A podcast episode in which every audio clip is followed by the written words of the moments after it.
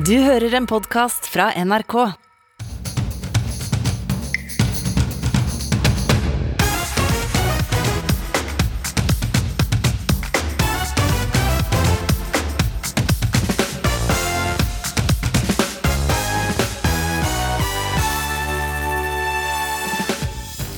Politiet er de mest hårsåre tjenestemennene i Norge, mener jusprofessor.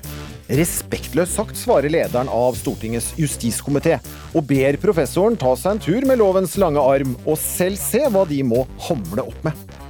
I Hardanger fortviler folk etter uker med kø og kolonnekjøring. Trange veier klemt mellom fjell og fjord invaderes av turister. Vi som bor her, og de som pendler her, er jo drittlei. 85 år, monark og kaptein på en VM-skute. I dag seiler kong Harald siste etappe, og vi får rapport fra seilaset. Og sommer betyr mye øl og vin for mange. Ja, vi, vi har økt alkoholforbruket litt i sommer alle sammen. Hvorfor blir det mer enn ellers i året? Koser seg, da. Unner seg litt ekstra. Men tar du med deg høyt alkoholbruk fra ferien, kan du få problemer, advarer psykolog. Og så skal vi markere at Norway Cup starter i dag, 50 år etter den første fotballturneringen.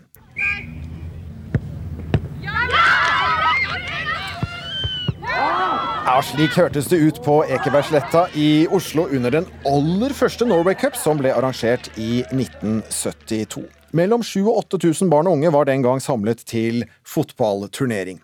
Vi har tatt ut et lite klipp fra et intervju med noen svenske deltakere fra den gang. Syns dere Norway Cup er en morsom turnering å være med i? Ja, det var rätt roligt men det, maten har kanskje ikke vært det beste, liksom. Det, det, det, liksom, det er dårlig med dusjer og sånt der her. Hva har dere gjort for noe her når dere ikke har spilt fotball om kveldene? Og Ja, Ja, jagat ute med bruder og sånt der. Ute med flikker. er det pene jenter i Oslo? Ja, skapligt. Er Slett eh, ikke så verst, altså, ifølge de svenske guttene fra Norway Cup i 1972. Nå skal vi til årets turnering, som arrangeres etter to års eh, pandemipause. Og reporter Ida Kloppen Gladisjak, eh, du er på Ekebergsletta i Oslo. Det er få timer til åpning. Er det forventninger i lufta? Her er det absolutt forventninger i luften. Treningen er allerede i gang før avspark i morgen. Gressbanene er klare. Eh, det pågår lydsjekk eh, før åpningskonserten som skal være i kveld. Og innsjekkingen har, eh, den startet i går. Og det er altså 30 000 spillere og lagledere som skal registreres, og 1852 lag. Og det er reist spillere og dommere fra 24 land over hele verden. Og noen som ikke har reist så langt, det er Mina, Mari og Hanna fra Oslo på 16 år.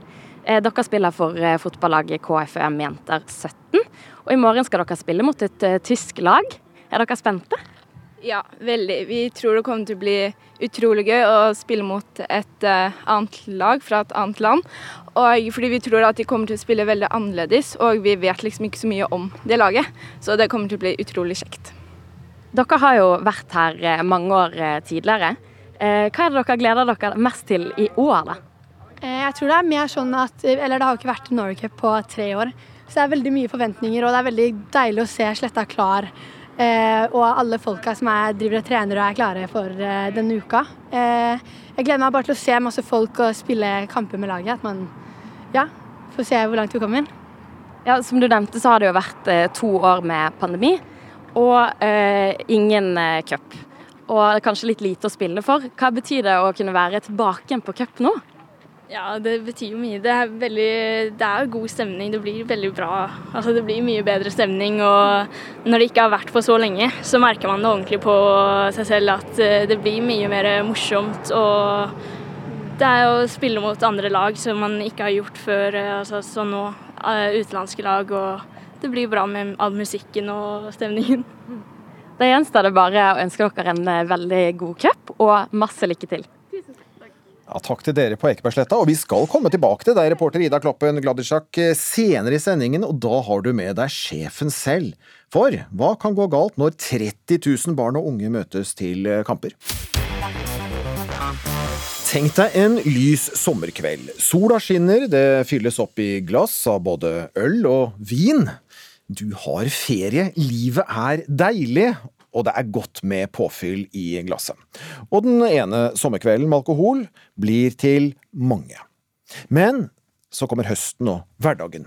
Da kan livet videre by på problemer dersom du ikke klarer å legge bort sommerens vaner.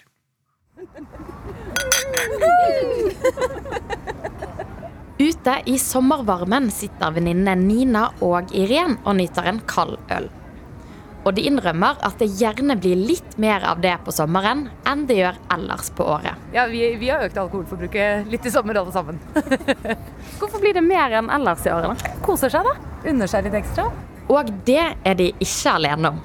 For da NRK var ute og snakket med folk på bar og i park, så var de fleste enig. 100 Ja, definitivt. Helt klart. Ja, alle er boheme på sommeren. Ja, absolutt. Nei, drikker like mye som vanlig som resten av året. Ja, da sitter man jo ute i parken og koser seg med venner, og da blir det ofte mer øl og forskjellig. Ja, jeg gjør dessverre det også. Fanny Duckert er psykolog og forfatter av bl.a. boken Bare ett glass til. I boken gir hun folk tips til hvordan man kan drikke mindre. Og hun er ikke overrasket over at folk gjerne tar seg ett glass til på sommeren. Altså om sommeren, du kan sove lenge om morgenen, det spiller ingen rolle. Det er liksom mye mindre ytre styring, og det gjør at det er lettere å drikke mer. Eh, Og sammen med det har vi jo en veldig sånn forestilling om at sommeren, nå skal vi slappe av, nå skal vi ha det hyggelig, nå skal vi gjøre alle de tingene vi ikke har overskudd til å gjøre resten av året.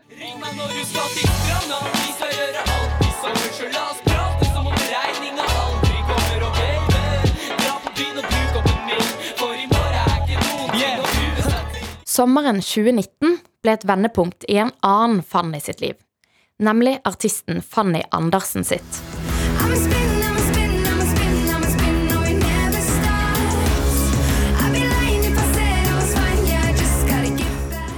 Fanny Andersen er også forfatter av boken Festjenter gråter aldri, og den er basert på dagboken hennes. Etter en sommer med mange opptredener på festival og med mye alkohol, sa hun til psykologen sin at hun kjente at hun trengte en pause fra festing og alkohol. Og tenkte jo selvfølgelig at hun bare kom til å si til meg Ja, men da gjør jeg liksom, være stolt av at nå har jeg kommet til det, den konklusjonen selv etter en sommerferie med på en måte altfor mye. Um, men det var da hun svarte til meg og sa ja, men da har vi avrusning her, avrusning her, og ga meg alle de forskjellige mulighetene. Og jeg har jo aldri vært så sjokkert før i hele mitt liv.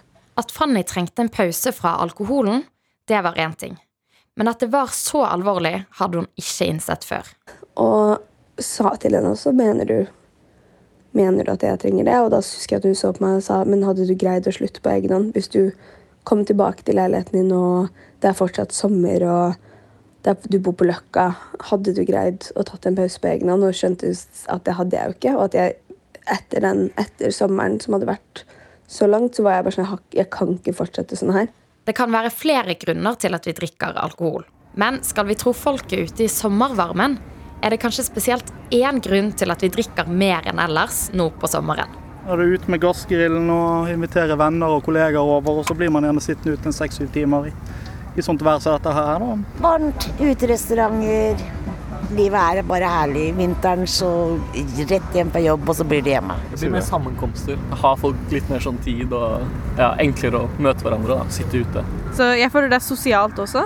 Å drikke, og kanskje man er mindre ute når sommeren er over, ikke sant? Litt mindre sosialt. Man er generelt mer sosial på sommeren, tror jeg. Og alkohol hører med det sosiale. Selv om artisten Fanny stort sett drakk alkohol i sosiale lag hun også, fungerte alkoholen og festingen som en flukt fra angsten som hun hadde slitt med lenge. Og fant vel ut at det Hvis jeg drakk, så på en måte gikk hjertebanken ned for første gang kanskje gjennom hele dagen. Alkoholen kan jo brukes både som en flukt, men det kan også brukes som en måte å ha sosialt liv på. Så man bør jo kanskje kunne kjenne litt etter hvilken rolle har alkoholen i mitt liv. Da? Og er det ålreit, eller bør jeg ta noen grep her også for å få justert det, liksom? Da artisten Fanny oppdaget at hun brukte alkoholen som en flukt, bestemte hun seg for å ta imot hjelpen hun ble tilbudt. Og 101 dager uten alkohol og flere runder med profesjonell hjelp senere, begynte hun så smått å drikke alkohol igjen. Sånn jeg drikker nå, er jo helt, helt annerledes enn sånn jeg gjorde sånn jeg gjorde da. Det er jo på en veldig kontrollert måte. Så jeg tror at den viktigste regelen for meg er at um, jeg tar meg aldri et glass fordi at jeg tenker å fy fader, i dag har vært jævlig vanskelig.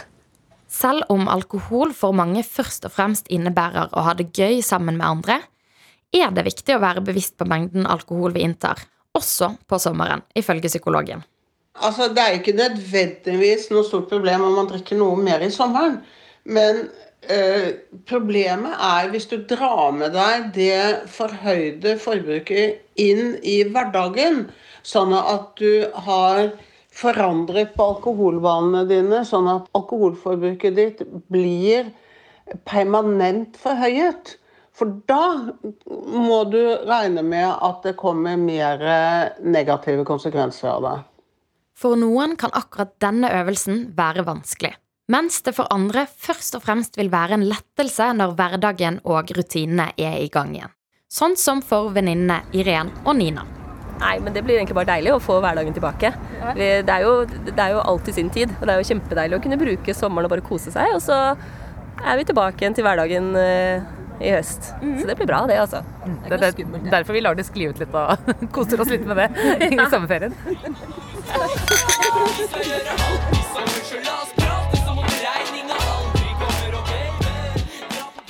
Ja, reporter her var Ida Kloppen Gladitsjak. En langfinger, det må politiet tåle. Ja, det mener Hans Fredrik Martinussen ved Universitetet i Bergen. Kritikken fra jusprofessoren kommer etter at tre personer ble anmeldt for å vise fingeren til politiet i Sandnes og Stavanger forrige helg. Og før vi tar debatten, så har vi snakket med folk om hva det gjør med dem å bli vist fingeren til.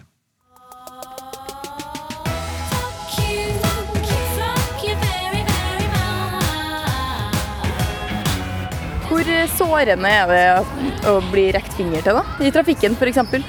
Jeg kunne ikke bry meg mindre, det er egentlig. Det er eh, bare tenke på meg selv og kjøre videre.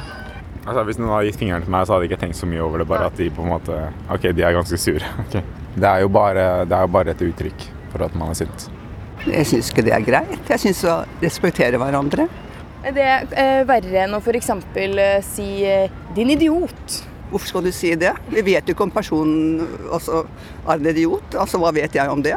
Hvis du har gjort noe som er idiotisk, så er du jo en idiot. Er det en god dag, så bare rister man det av seg. Men er det ekstra dårlig dag, så kan det hende at man blir kanskje revet med. da. Ja, Det var folk som reporter Susanne Njølstad Skansen traff på i Oslo. Så tilbake til Sandnes og Stavanger, der altså tre personer ble anmeldt for å ha vist fingeren til politiet. Anmeldelsene ble henlagt, og vilkår for straff skal ikke ha vært til stede, og ifølge politiet så er det brukt minimalt med ressurser på disse sakene. Likevel så kaller du politiet for hårsåre, jusprofessor Hans Fredrik Martinussen ved Universitetet i Bergen. Hvorfor? Nei, jeg tenker jo at eh, Det er en god grunn til at offentlige tjenestemenn ikke skal forulempes når de er på jobb. Enten det er eh, barnevern, eller det er politi, eller det er eh, andre. Og, men likevel så er det sånn at Politiet møter mange mennesker i vanskelige situasjoner der det er lett å bli sint og frustrert, og, og at politiet ikke trenger å, å, teste den nedre grensen for hva som er forulemping. Jeg tenker at Som politimann så kan du være litt storsinnet, eh, legge andre kinnet til og, og, konsentrere deg om å opprettholde ro og orden på lørdagskvelden på byen, og ikke løpe etter folk som eh, viste sinne på en måte som de fleste av oss ikke syns er spesielt ok eller høflig eller, eh, eller, eller, en riktig måte å reagere overfor politiet på. Så her var de altså for hårsåre? Ja, jeg syns det. Mm. Leder av Stortingets justiskomité og representant for Fremskrittspartiet, Per-Willy Amundsen. Har vi et for hårsårt politi som ikke tåler å bli vist fingeren til? Nei, tvert om. Politiet er de minst hårsåre tjenestemenn og -kvinner vi har i Norge. De, de, er kanskje de aller mest tålmodige. Og Derfor vil jeg egentlig bare anbefale professor Martiniussen om å ta seg en tur ut på en, på, sammen med en politipatrulje natterstid, f.eks. i hovedstaden, og få erfare hvilke situasjoner politiet faktisk står i. Om hvordan de blir møtt av eh, fulle folk og personer som tilhører kriminelle gjenger. Ja, faktisk barn helt ned i tolv år som viser forakt og avsky mot eh, politiet. Eh, og Da bør han kanskje se hva som skjer i den virkelige verden utenfor universitetscampus. For dette er altså ingen teoretisk øvelse. Vi er i, dessverre i en ganske negativ utvikling.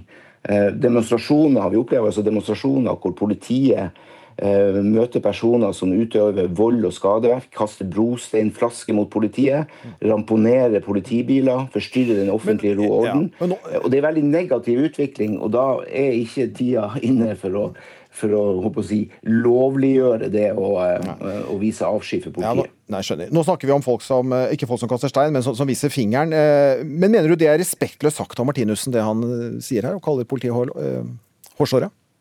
Jeg tror kanskje det meste er et eh, indikasjon på at Martinussen kanskje ikke kjenner arbeidshverdagen til politiet. Uh, at han ikke forstår de situasjonene politiet ofte står i. Og hvor vi, får, politiet... vi får høre med han. Er du, er du for dårlig orientert om hvordan politiet har det, og bør du kanskje bli med en tur nattestid, Martinussen?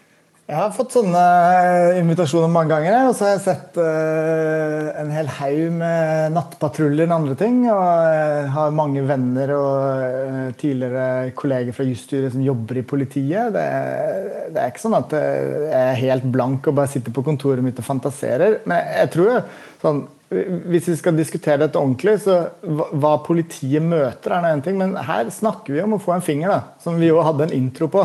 Sånn, jeg får fingeren av og til i trafikken, så jeg er en ganske passiv sjåfør. så ikke så veldig ofte.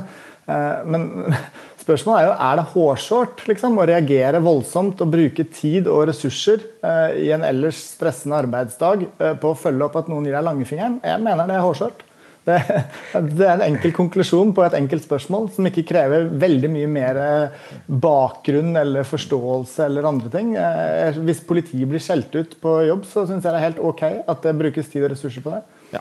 Disse fingrene, eller Personene som eier disse fingrene, fikk ikke noe straff her, men, men folk har jo blitt straffet for å, å, å kalle eh, politiet bruke ukvemsord, tulling eller, eller idiot. Eh, men du mener også at det heller ikke bør være straffbart, det?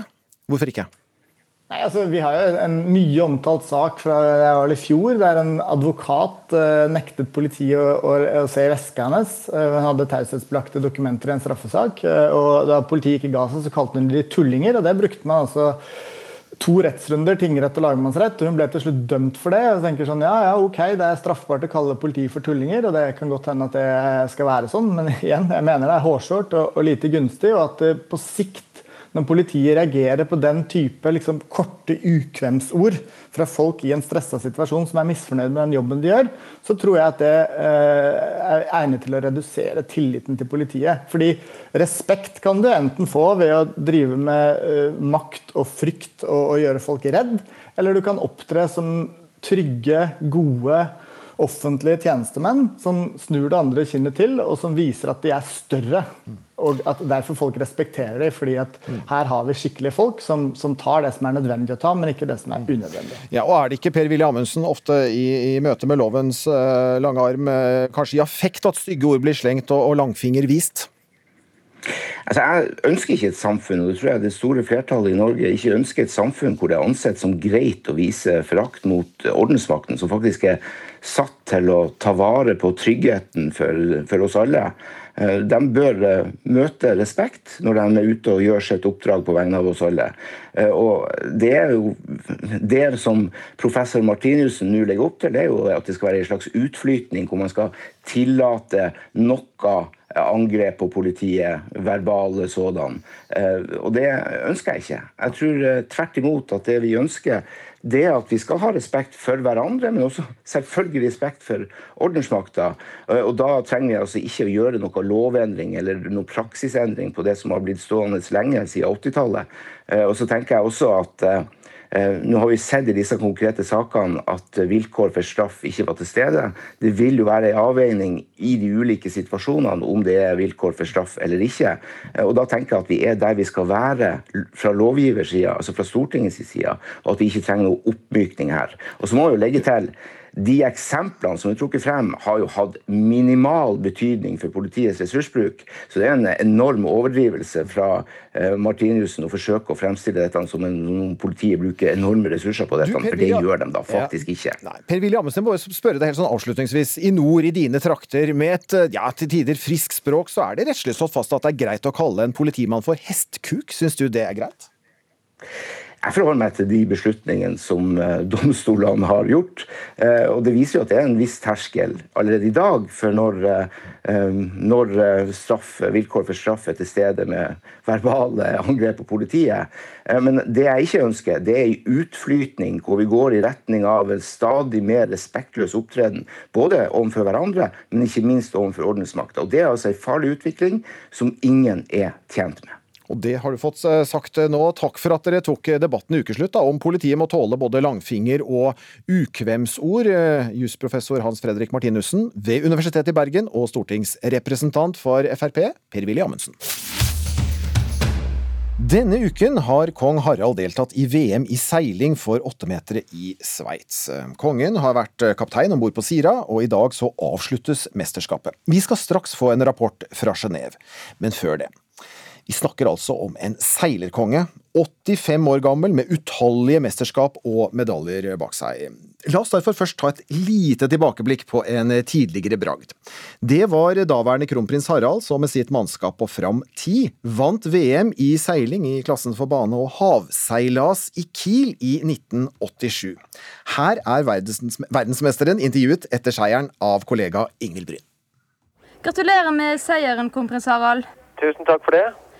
Fram 10 vant også dagens regatta, og måtte det vinne i dag for å vinne hele VM? Nei, vi måtte ikke vinne. Vi måtte øh, ikke ha mer enn én båt imellom oss og den båten som lå som nummer to efter, øh, eller før, før i dag, da. Så presset var ikke så veldig stort. Og det var trikkeutbær i dag, så det var jo forholdsvis stort. Og så hadde vi jo nesten ikke fått sove, for vi kom jo inn fra havseilas i går, eller i dag morges da, klokken seks, og så begynte vi på værbrifing her klokken åtte, så det var ikke så mye man fikk sove i natt. Hvordan skal kronprinsen feire seieren? Nei, da blir det premieutdelingen i kveld, og så blir det vel ikke noe særlig feriefeiring, tenker jeg. Og så blir det vel litt søvn. Det får vi håpe. Ja, her hørte vi altså daværende kronprins Harald, 50 år gammel og verdensmester, en av de mange titler han har tatt opp igjennom sin lange seilerkarriere.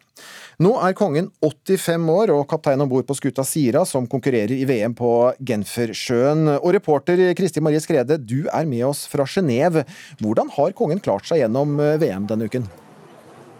Ja, resultatmessig har det gått heller dårlig.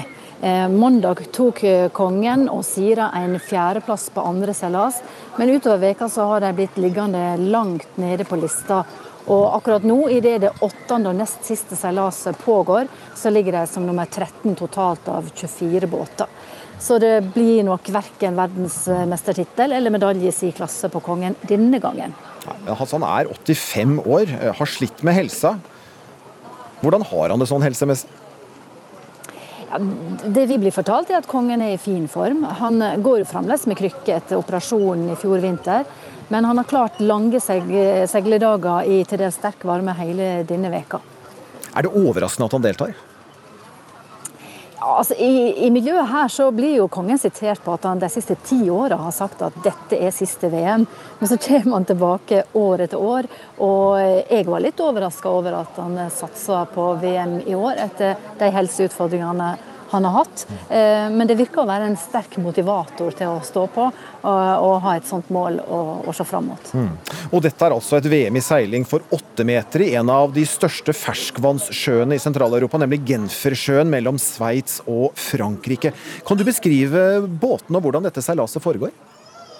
Altså For en som er, kommer inn utenfra, som meg, så kan jeg lett eh, tenke at dette her er jo VM for de med gamle, fine yachter og god råd. Eh, og det er det vel kanskje for så vidt òg.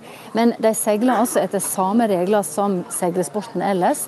Og de seiler i helt spesielle, ikoniske, vakre trebåter. Smale netter med høy mast. Og de eldste er så gamle som 100 år men likevel båter som er tatt vare på med sånn entusiasme og kjærlighet, og trimma sånn at de kan være konkurransebåter fremdeles. Men eh, det går, som du sa, ikke helt eh, Norges vei. Eh, Du har snakket med kapteinen på den andre norske båten som deltar. Eh, Han heter Tom Knutsen, og han er ikke fornøyd med den norske innsatsen. La oss høre. Vi er frustrerte. Vi er, vi er forbanna på oss selv ikke sant? på at vi ikke får til bedre. Vi mener at, vi er, at dette kan vi egentlig, men det er veldig spesielle forhold. Så, men OK. Det er, eh, man lever vel bare én gang, og det er vel eh, fint å få med seg dette også. og Vi har godt å lære av det. Ja, Det var kaptein Tom Knutsen på den andre norske eh, båten. Vet vi om kongen er like skuffet? Han, han vil ikke gi noe intervju til oss, men eh, vi vet jo at kongen er med her for å vinne, så at han er skuffa, det er jeg helt sikker på. Hvor er kongen nå? I det vi snakker? Nå er han på ja, I det vi snakker, så er han på kapteinsplassen om bord på Sira, ute på Genfersjøen. Eh, vurderer vindforholdene og jobber hardt for ei litt penere sluttplassering enn det han ligger an til nå. Mm. Og når er det endelige resultatet klart? Ja, Siste seilas skal etter planen gå i to tider. Nå blåser sommervinden friskt og godt eh, over Genéve, så tidsplanen holder nok, vil jeg tro. Så det endelige resultatet er klart i ettermiddag. Vi får ønske kong Harald lykke til da, og mannskapet i innspurten, selv om det ikke blir noen verdensmestertittel denne gangen. Og takk for rapporten fra Genéve, Kristi Marie Skredde. Og nå skal det handle om trange veier, høye fjell og rasfare. I kombinasjon med noen av Norges mest populære turistmål. Vi skal til Hardanger, der et steinras denne uken har gjort veien enda mer ufremkommelig for både turister og lokalbefolkningen. Kvandal. Nummer én eller to? I sin signalrøde jakke står trafikkdirigent Kjell Bay og loser de reisende ned til den lille fergekaia på Utne. One, one, one. Ja, thank you. Bak han står det flere kilometer med kø. Alle venter på sin tur. How can I buy the ticket? Men, men eh, et problem her. Problem her. Det er et problem her. Kjør ned der, og så snakker du med han. Veldig mange norske og utenlandske turister er på veien i Hardanger om sommeren. Ja, Utfordringa er jo dette med språket.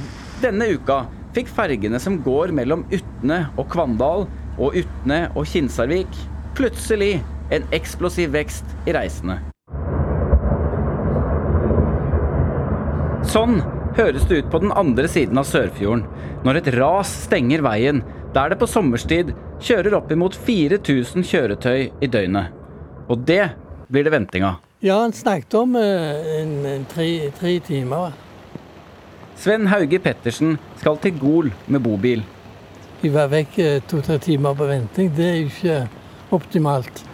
Nei, Nå sto vi oppe i veien der oppe en liten time før vi ble geleida ned her. Og så har vi vel stått her nå i en liten time òg. Jarle Marius Fjellheim skal rett over fjorden til en fornøyelsespark.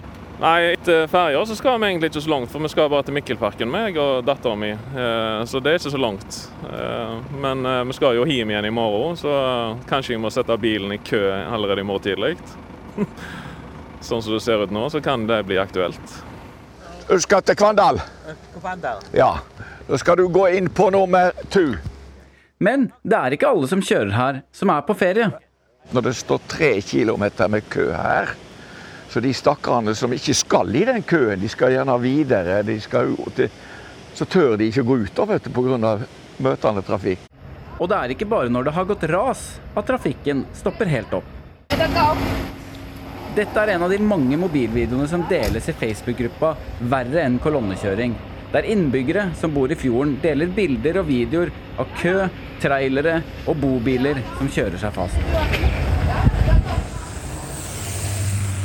Vi som bor her, og de som pendler her,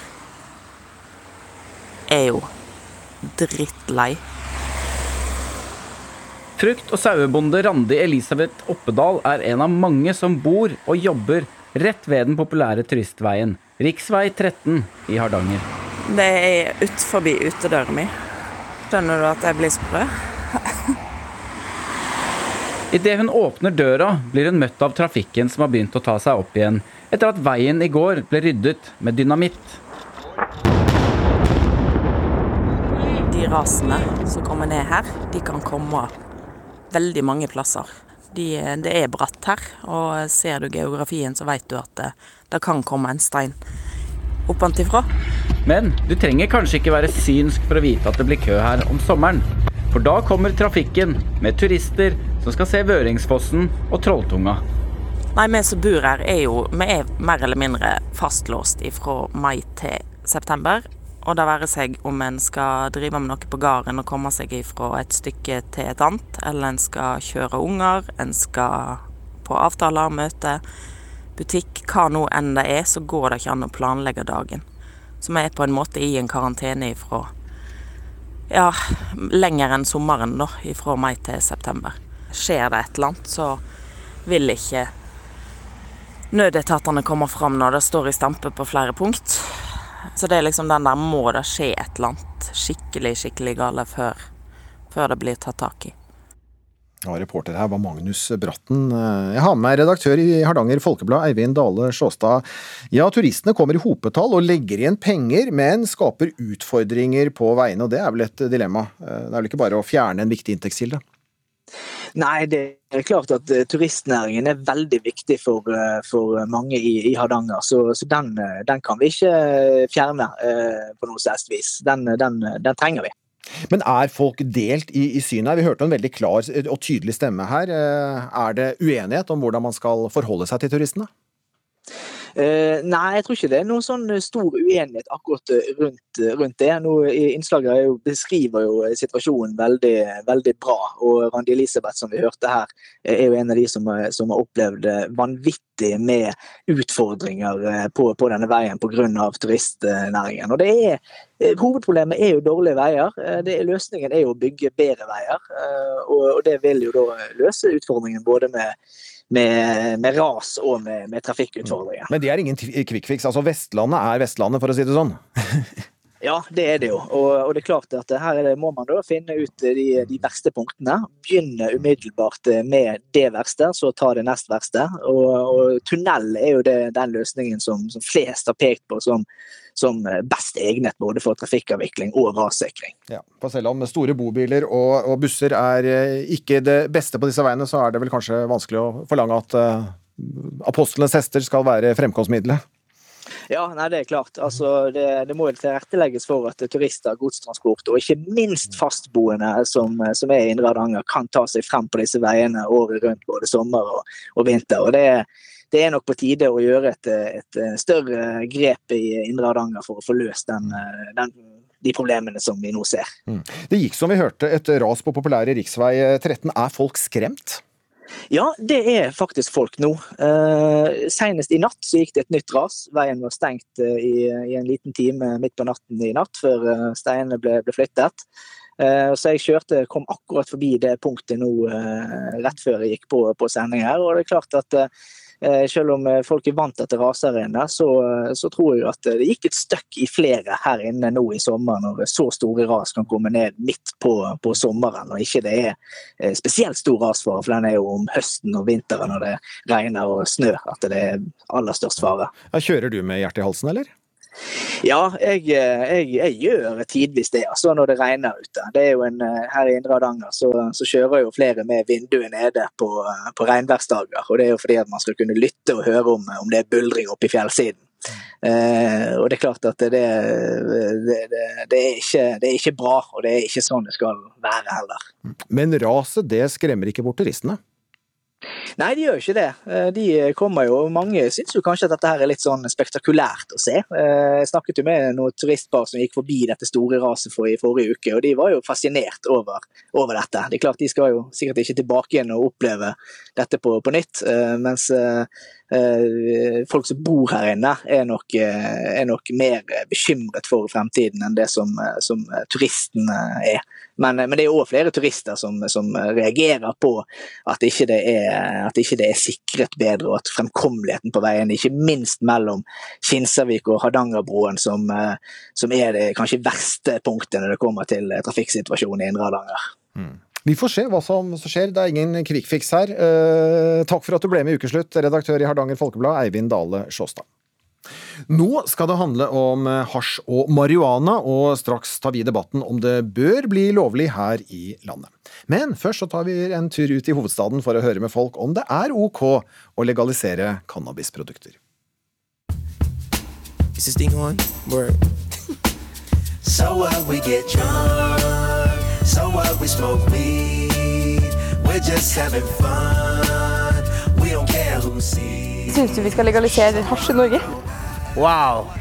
Altså ut ifra hvor utbredt det er, da, så bør man kanskje gjøre det. For det, er, har i hvert fall ikke funka å stoppe det, da. Jeg tror ikke at det er riktig å gjøre. Jeg tror at eh, en enkelte mennesker ikke tåler marihuana og eh, kan utvikle psykisk lidelse av det. Det er så mange som bruker det at eh, selv om det er legalisert eller ikke, så blir det jo det samme. Det kan bli mindre enn hvis det blir legalisert. Jeg tror de fleste ungdommer bruker det bare fordi det ikke er lov.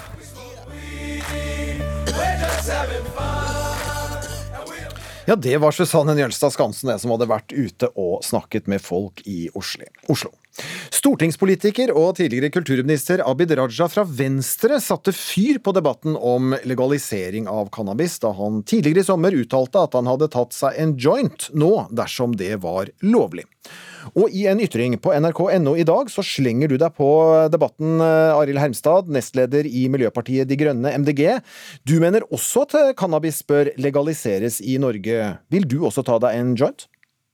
Eh, Jeg har egentlig ikke noe stort behov for det, og jeg tenker at det er viktig at eh, de av oss som ikke er så opptatt av det, også tør å ta ord i denne debatten. For eh, sannheten er jo at vi trenger en kontrollert regulering av cannabis for rett og slett å få ned skadeomfanget fra den rusbruken.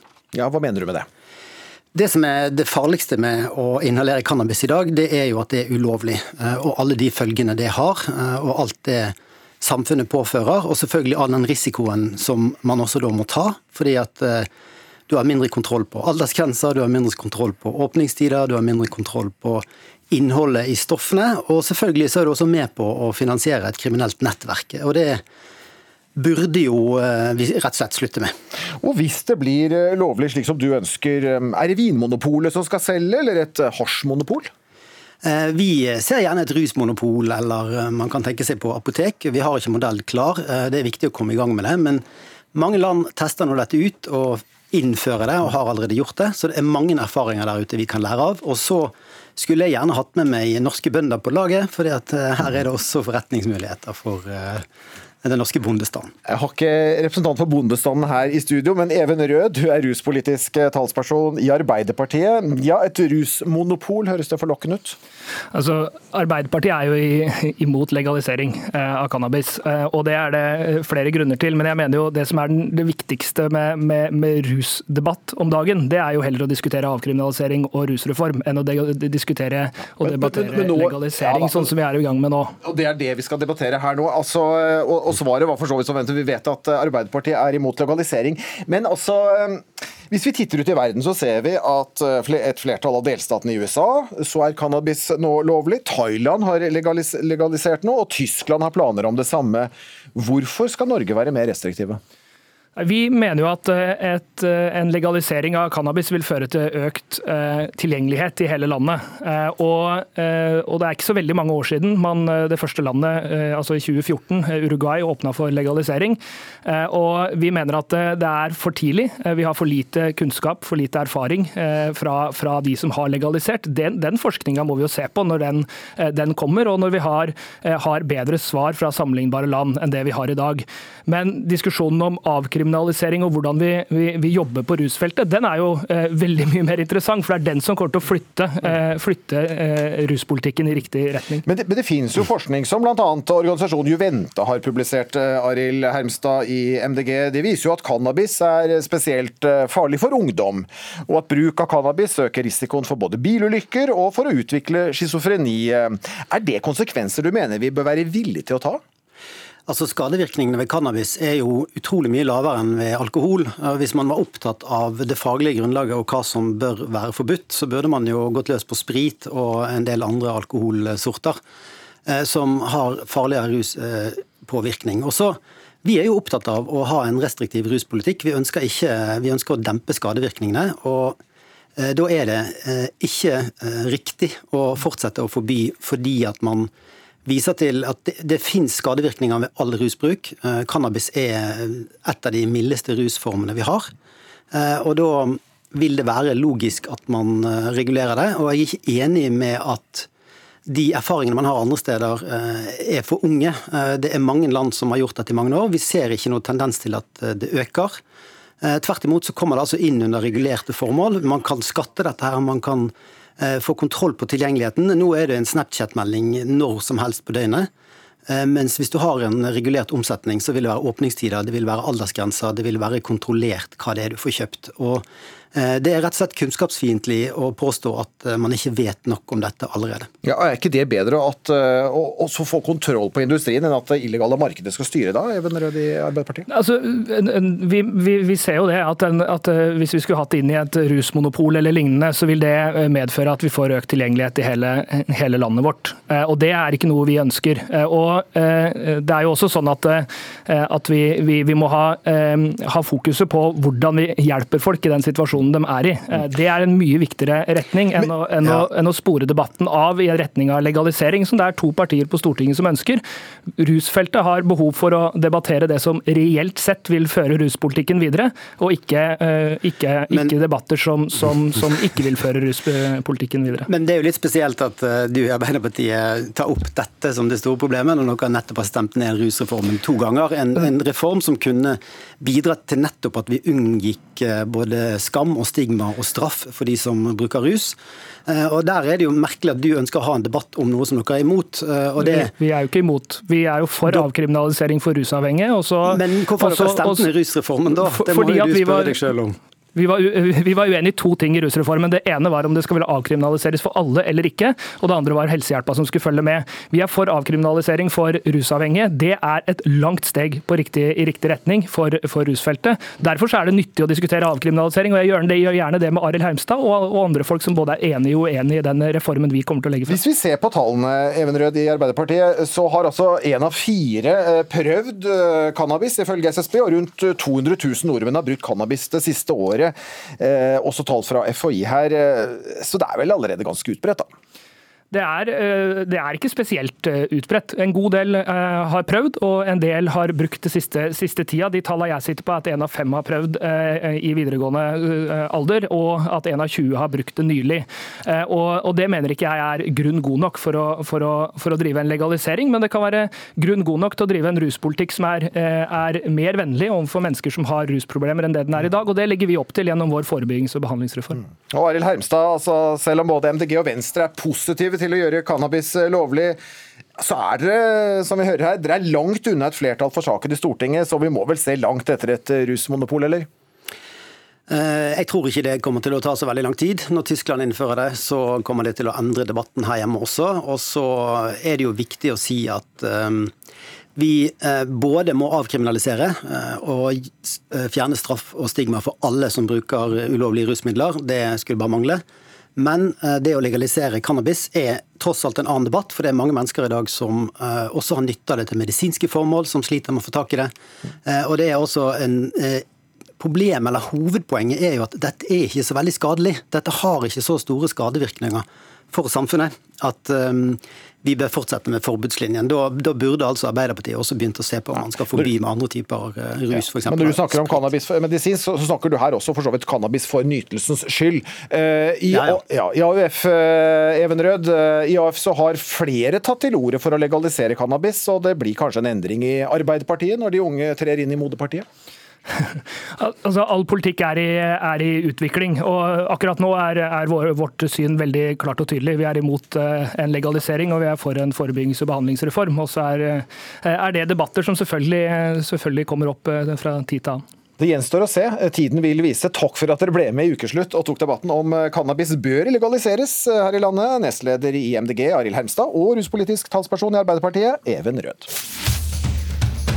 Nå skal vi tilbake til det som kalles verdens største fotballturnering. I hvert fall så er det uten tvil en av verdens største.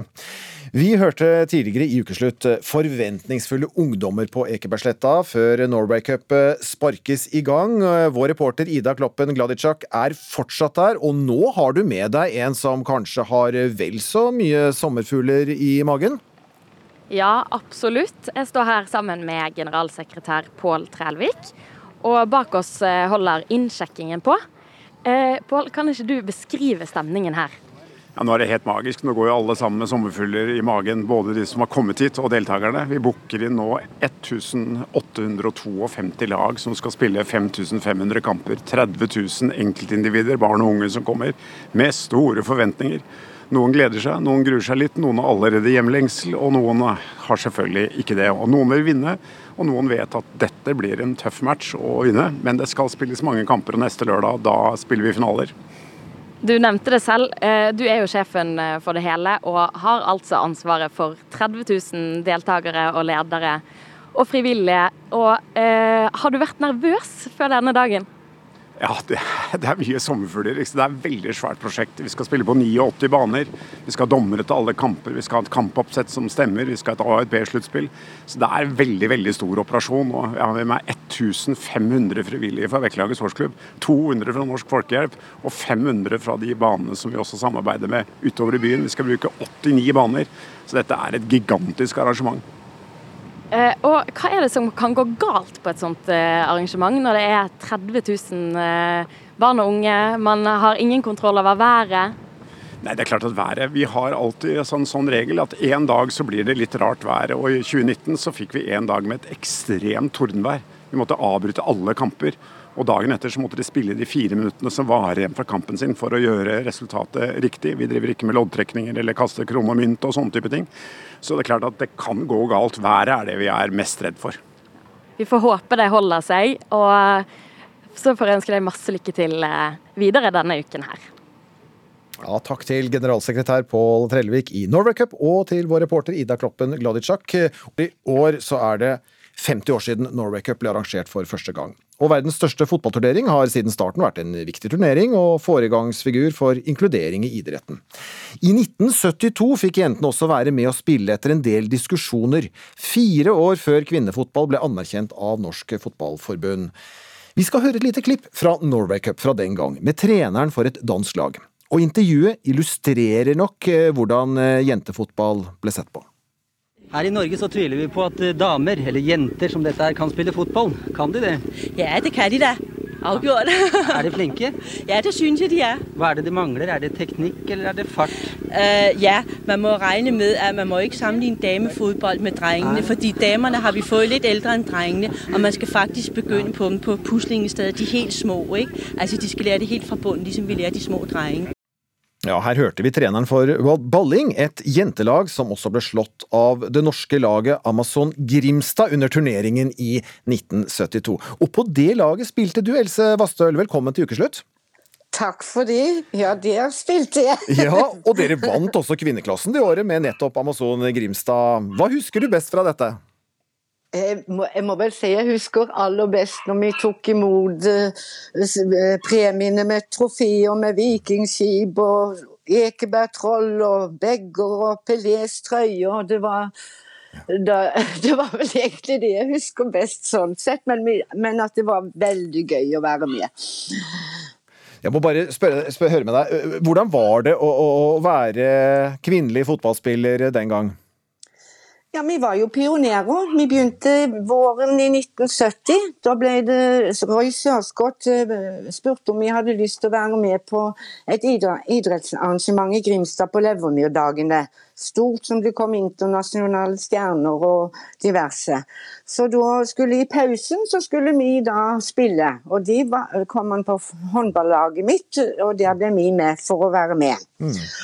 Ja, og da var det jo Eh, trening. og Vi hadde ikke spilt fotball noen av oss før, så vi måtte jo lære. Det var en, en læringskurve som var ganske bratt.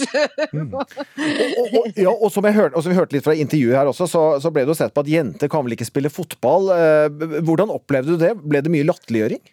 Ja, de gjorde det. Og blant annet så var det intervju i avisa med treneren vår, og han, blant annet han til og med sa at 'jeg vil ikke ha muskuløse Grimstad-damer på samvittigheten'. så, så, så det, var, det, var, mye om når vi ja, dempa ballen, og det var latter og mye sånt. Men vi, vi jeg tror vi etter hvert så, så var det noen som syntes det var ålreit, men de eldre mannfolka var nok ikke helt med oss. Men hva, tenkte, hva tenkte du da, når, det, når du ble latterliggjort som, som kvinnelig fotballspiller? Ja, Vi var så ivrige på at dette skulle vi få til. Det var jo eh, eh, å, å, skulle vise at dette skulle vi få til. Så vi øvde og trente. og vi, Treneren han sa vi var nesten ivrigere enn en gutta til å trene. Så, så det var iver i laget, det var det absolutt.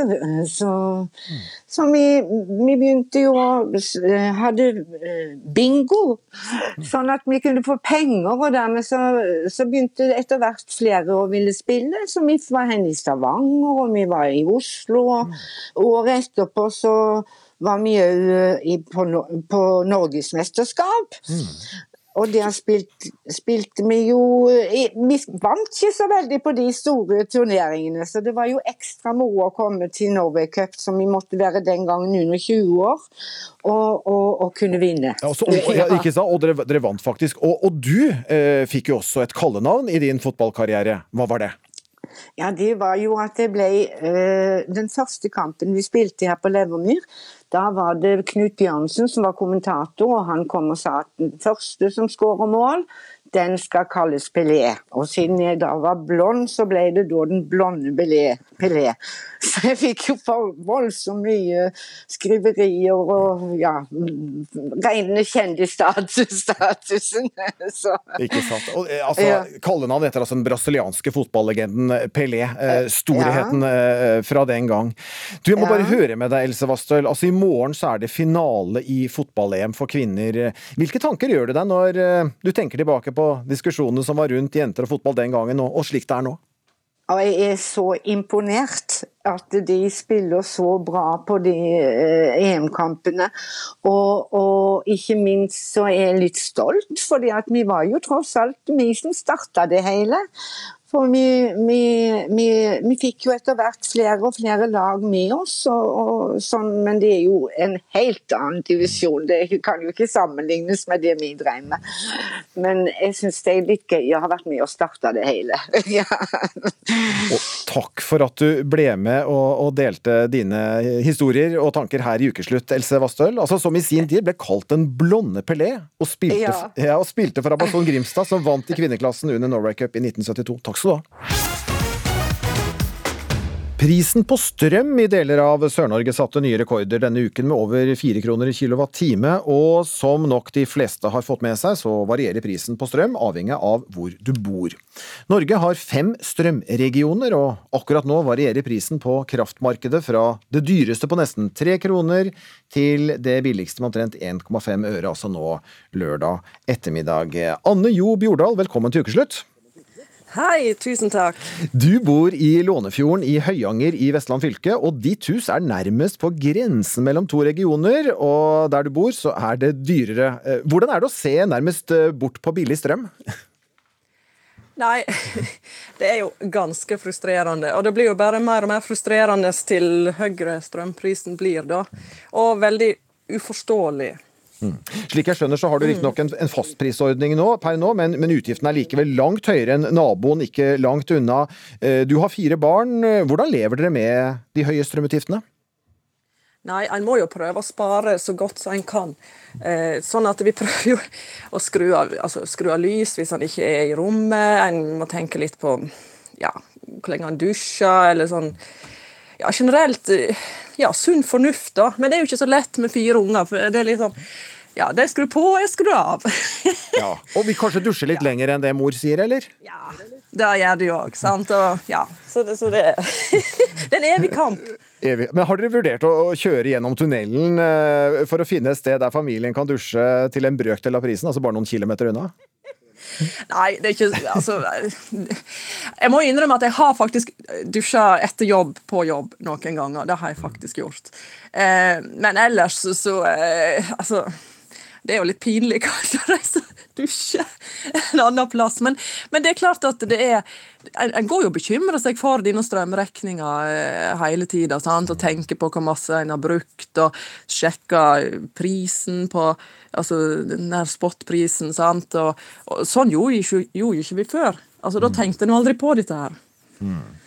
Eh, nei, du har ikke vurdert å bosette deg på den andre siden eh, av denne tunnelen, eh, bare noen kilometer unna? Nei, jeg eh, bor nok på min drømmeplass. Jeg bor på et nedlagt småbruk, så eh, det er ikke aktuelt. Men eh, hadde ikke jeg hatt noen fast Ja, så kunne jeg kanskje ha tenkt sånn, ja. Nei, Man reiser ikke fra et uh, idyllisk småbruk sånn uten videre. Men altså, et sted så må jo grensen mellom regioner gå, og hadde den gått et annet sted, så hadde jo andre kjent på en nærliggende urettferdighet. Ja, men da burde det kanskje ikke vært sånne forskjeller. da. Altså, Jeg vet ikke, jeg er ikke noen strømekspert eller ikke noe teknisk peiling, men jeg tenker jo det at i samme land så burde det nok kunne være noenlunde tilnærma lik pris overalt. I hvert fall ikke sånne forskjeller som det er her nå. Jeg tenker at det ja, For min logiske sans så skjønner altså det, det er jo helt uh, ulogisk, rett og slett. Jeg forstår ikke det går an.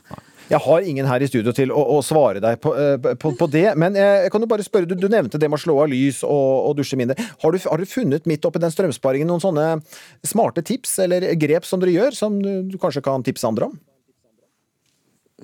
Nei, jeg veit ikke helt. Altså, jeg er jo generelt sett Altså, jeg er jo i utgangspunktet alltid vært litt sånn opptatt av å tenke på hva en bruker penger på og sånne ting. Så jeg har jo alltid egentlig tenkt på dette med å spare strø... Altså, ja, skru av lyset og sånne ting. Men, men, men eh, Nei, jeg veit ikke. Men vi fyrer jo med ved, da. Bruker ikke varmepumper og sånne ting. Og, jeg har ikke noen sånne gode tips, egentlig.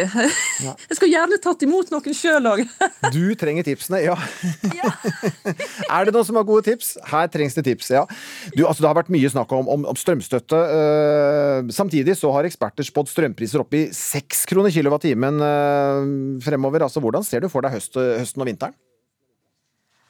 Nei, altså jeg tenker at det, det kan jo ikke fortsette sånn som det her. Altså En ting er jo vi som bor her i området vest, men jeg tenker på den som bor i sør-vest, som har nå de aller høyeste prisene. Altså, Det blir jo et klasseskille, tenker jeg. Jeg tenker på barn som vokser opp med foreldre som kanskje i utgangspunktet ja, det gikk noenlunde akkurat rundt for før, der det blir enda verre nå. sant? Jeg tenker, Det lager jo forskjeller i samfunnet som jeg tenker vil eh, forplante seg videre. Altså, det har jo kun negative virkninger, det her. Sant? Så jeg tenker det, det er dårlige eh, det er dårlig samfunnspolitikk, for å si det sånn. Altså, det er ikke noe Ja, jeg tenker det fører til bare negative ting. Det var ingen med noen ansvarlighetssats som, som kunne eh, svare deg her. Men jeg, du får ha lykke til da med smart strømsparing, får vi si. eh, Og, og så får vi krysse fingrene og håpe på det beste. Og takk for at du ble med i Ukeslutt, Anne Jo Bjordal. Vi er ved veis ende. Ansvarlig for sendingen Sigrid Solheim Haugen. Teknisk ansvarlig Hilde Tosterud. Jeg heter Vidar Sem. Du har hørt en podkast fra NRK. De nyeste episodene hører du først i appen NRK Radio.